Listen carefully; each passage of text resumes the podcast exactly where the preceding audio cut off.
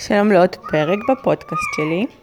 אה, פרק קודם הייתי חסרת אה, מצב רוח, כי כמו שהסברתי, אני עוד מעט קרובה לחזור לעבודה, ואז אה, זה קצת הוריד לי את האנרגיות מה, מהפודקאסט, כי הוא ספציפית היה מיועד לחופשת לידה, זה, זה, זה כאילו הרגיש לי כמו סוף, כמו סיום, ו, וזה קצת הוריד לי את, את כל המוטיבציה. אבל כל כך נהניתי לעשות אותו, כי חיכיתי כמעט חודש עד שהקלטתי פודקאסט נוסף, שזה הקודם, ובזמן שעשיתי איתו הרגשתי כאילו אני פורקת המון דברים, אז, אה, אז החלטתי שכנראה זה לא משנה אם אין לי מאות מאזינים כרגע, או אם אני חוזרת לעבודה, אם זה משהו שטוב לי ו, ועושה לי טוב, אז, אז אני צריכה להמשיך עם זה. עם כל המחסומים שיש לי לגבי זה. אה, אז אני מקווה שאני באמת אמשיך גם כשאני אחזור לעבודה, אבל עכשיו באמת עם כל ההסגר, לא הסגר ומה יהיה, זה, זה מצחיק, דיברתי על זה עם אחותי, ש... כל הזמן אמרתי, וואי, איך, איך הייתי רוצה לפחות שנה להיות בבית ולא לחזור לעבודה ושהילדה תיכנס בגיל שנה לגן ולא חצי שנה.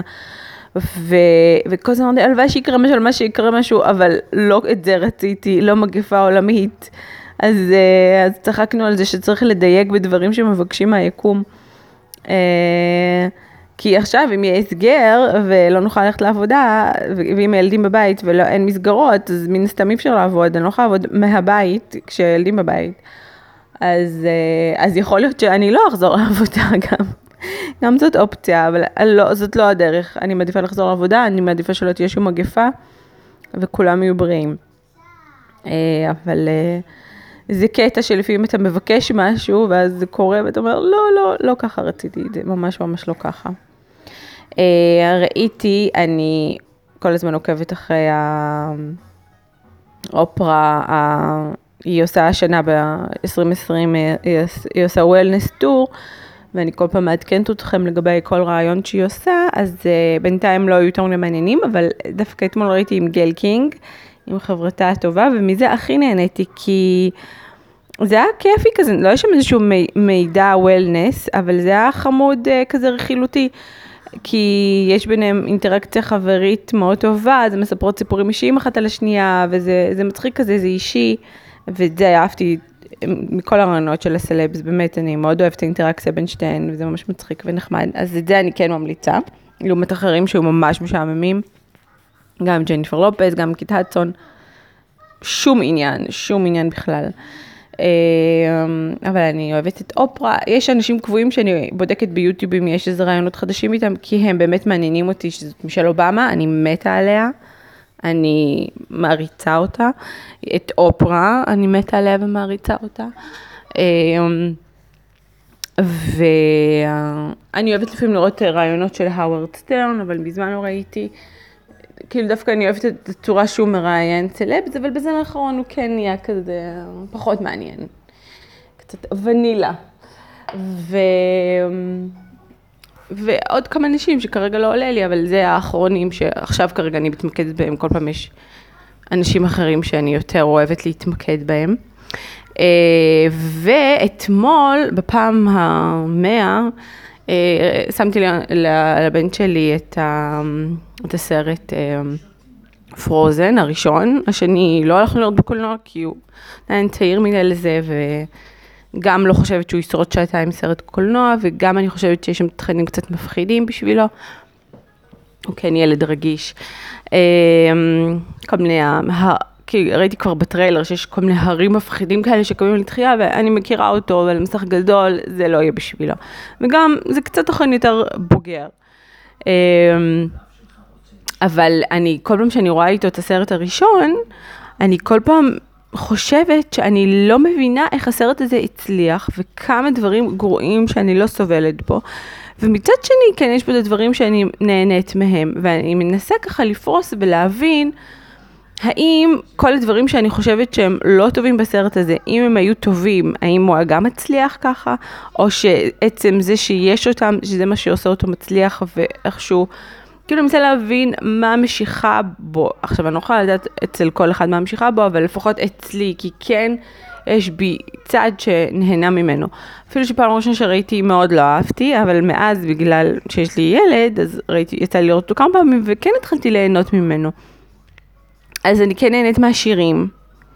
אפילו שאני לא אוהבת אה, מחזות זמר, וגם הבן שלי לא כל כך אוהב, ואני באמת לא מבינה את הקטע הזה, למה כל סרט ילדים, כל הצגת ילדים, זה היה תמיד מחזמר. לא כל הילדים אוהבים שכל שניה פותחים בשיר, והבן שלי מאוד לא אוהב את זה, הוא הרבה פעמים מבקש ממני להעביר שירים.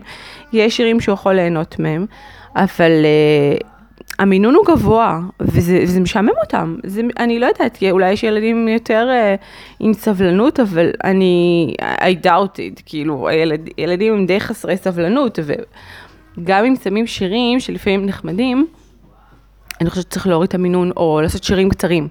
זה בעיקר. אפילו המינון לא, לא כזה יפריע אם השיר יהיה קצר. תקצרו את השירים, תעשו שיר קצר. ו... וד... והשירים של פרוזן הם כן נחמדים, אני כן נהנית מהם, באמת, אה, זה, זה, זה כן נחמד. ואני אוהבת את הקשר המשפחתי בין האחיות, כאילו, כן, אה, הם כן בנו את הדמות, בגלל שזה סרט ארוך, היה להם זמן לבנות את הדמות ואת הרגש, אז כן, יש, אין שם מערכת יחסים ארוכה, כי הם בנפרד רוב הסרט, אבל אה, כאילו רואים את, ה, את האכפתיות ואת הרצון של אנה לחזור לילד, דווקא מצד אלזה מאוד לא רואים את זה, כי היא פשוט ברחה והתבודדה. וזה חלק מהדברים שלא מובנים לי בעלילה, ומטומטמים בעיניי בעלילה, ואני מאוד ביקורתית, כל פעם שאני רואה את הסרט הזה, על המון המון דברים. עכשיו אני אגיד את הדברים שאני חושבת שהם ממש גרועים בסרט, כמו זה שהורגים את ההורים, בהרבה סרטי, סרטי דיסני הורגים את ההורים בהתחלה. ובאמת אה, קראתי על זה, למה בעצם עשו את זה, והם אמרו שהם עשו את זה בשביל ש... כאילו לא תהיה ברירה לדמויות, אלא להתבגר ולקחת אחריות, וכאילו כל האתגרים שיקרו להם, אם היו להם הורים, זה לא היה קורה, וזה כאילו מה שהניע את עלילת הסרט. אז אני ממש לא מסכימה, אני חושבת, גם עם הורים, היא הייתה יכולה לחטוף התקף טינאייג'רי של... הנה יוצא לי קרח מהידיים, אני לא שולטת בו ולעוף מהבית וללכת לכפור, זה בהחלט אה, היה יכול לקרות עם ההורים. ונגיד ההורים היו נהיים עצובים מזה והיה להם קשה לשלוט במצב, אז הילדה הייתה הולכת, אומרת אני אביא אותה, היא הכי קרובה אליי, ואני אצליח אה, להביא אותה הביתה. אז זה היה יכול להיות בדיוק אותה עלילה, רק שההורים נשארים בארמון והם דואגים לממלכה. ושישכנעו אותנו למה אנה הלכה להביא אותה, הרי זה גם ככה לא הגיוני שמכל הארמון, הצבא והחיילים, אנה, האחות, תלך לבד, בלבוש מינימלי על סוס, אה, לחפש את אחותה. גם זה לא הגיוני. אז גם אם היו הורים, והם היו מחליטים שהם נשארים בממלכה לדאוג לממלכה, והילדה הולכת, אז אני חושבת שזה בדיוק אותה, אותה רמת היגיון, כמו שהסרט נעשה. אז כבר זה ממש מעצבן שאני צריכה להסביר לבן שלי. איפה ההורים, מה קרה, הם מרמזים, הם לא עושים את זה מוות טרגי, הם בסך הכל הם טובים בים בספינה, ומראים קטע קצר מהלוויה, ואז הוא תמיד שואל מה זה, כאילו, הוא, אני חושבת שהוא מבין שיש שם איזה משהו, אבל אני לא מתכוונת להסביר לו שהרגו שם את ההורים, הוא בן ארבע. אה, וזה ממש מעצבן אותי שאני צריכה להתמודד עם זה בכלל, כאילו, למה, למה צריך להראות את זה, וזה גם מאוד נפוץ בסרטי דיסני, אוקיי, תעשו סרט אחד, שניים עם הורים שמתים, אבל לא כמעט כל סרט הורים מתים. ת, ת, תהיו קצת יותר יצירתיים ביכולת שלכם ליצור עלילה. שלא מחייבת שההורים ימותו בשביל שלגיבורים יהיו אתגרים, קצת, זה, זה מה שמעצבן אותי. שהעלילה בסרט והטקסטים הרבה פעמים הם מאוד עצלניים, הם מאוד מאוד עצלניים. עכשיו, גם לפעמים אני אומרת, אוקיי, אולי הם פשוט אה, עושים את זה פשוט יותר בשביל הילדים, ולא מסבכים את זה, ולא עמוק מדי הטקסטים, ובשביל כדי שילדים יוכלו להתחבר לזה, וזה מה שהם אוהבים, אבל אני לא קונה את ההסבר הזה שלי, כי בשרק הטקסטים מאוד מאוד ברמה, ואומנם זה כן סרט ליותר גדולים, אבל הוא כן שמאוד הצליח, וגם הרבה ילדים אהבו אותו, ואני גם חושבת שפרוזן זה לא כזה לילדים קטנים. ובטקסטים שלו הוא, הוא עצלן לחלוטין. חוץ מהשיר המתוחכם כביכול של איש השלג, שהוא אוהב קיץ, זה התחכום הבינוני היחיד שקיים בסרט. אה, חוץ מזה, כל הטקסטים מאוד לא ברמה. אה, אפילו אתמול נזכרתי בטרולים שאומרים, אה, שבהתחלה עם ההורים אה, מרפאים את, אה, את הלב של אנה, זה אומר, אה, אני, אפשר, אני צריך למחוק את הזיכרונות, אבל אני אשאיר את הכיף, כאילו, מה זה טקסט כזה מטומטם, ולא יודעת, זה, זה, זה כזה סתמי. זה ממש מרגיש לי חוסר מעמד שם. אז הקטע של ההורים שהרגו, הקטע של... של הנסיך המחזר של אנה, ש...